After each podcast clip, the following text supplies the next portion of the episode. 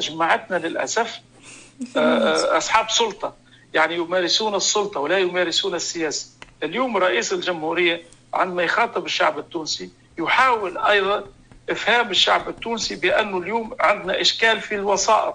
ما هي الوسائط داخل الدولة والإدارة التونسية لتنفيذ الإرادة الشعبية؟ سؤال مهم كبير. يعني الحياة السياسية في أوروبا أو في الولايات المتحدة الأمريكية تقعد تقريبا 100 عام. 200 عام توصل للنتائج اللي نشوفوا فيها اليوم. فبالتالي إحنا عندنا 10 سنين عندنا 20 30 عام شوية يعني. فالمستقبل يعني السياسي مهم جدا لكن الإخراجات أنت كما تفضلت إحنا يعني عندما جاءت الديمقراطية ومشى الشعب بكل حرية مشى ينتخب كان يتصور انه الناس هذوما اللي حطهم في البرلمان باش يردوا تونس سويسرا. قالوها هم حتى في حملاتهم الانتخابية. ولكن ما تونس رجعت 50 عام التالي مش تقدمت 10 سنين لقدام.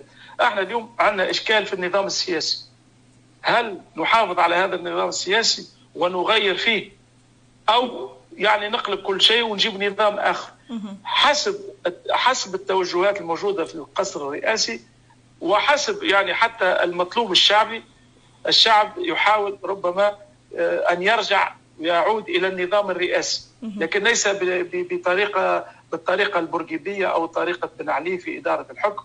وهنا الإشكال هنا يجب البحث أيضا لأنه لا يجب أن نعطي يعني شيك على بياض لرئيس الجمهورية أن يقرر كل شيء.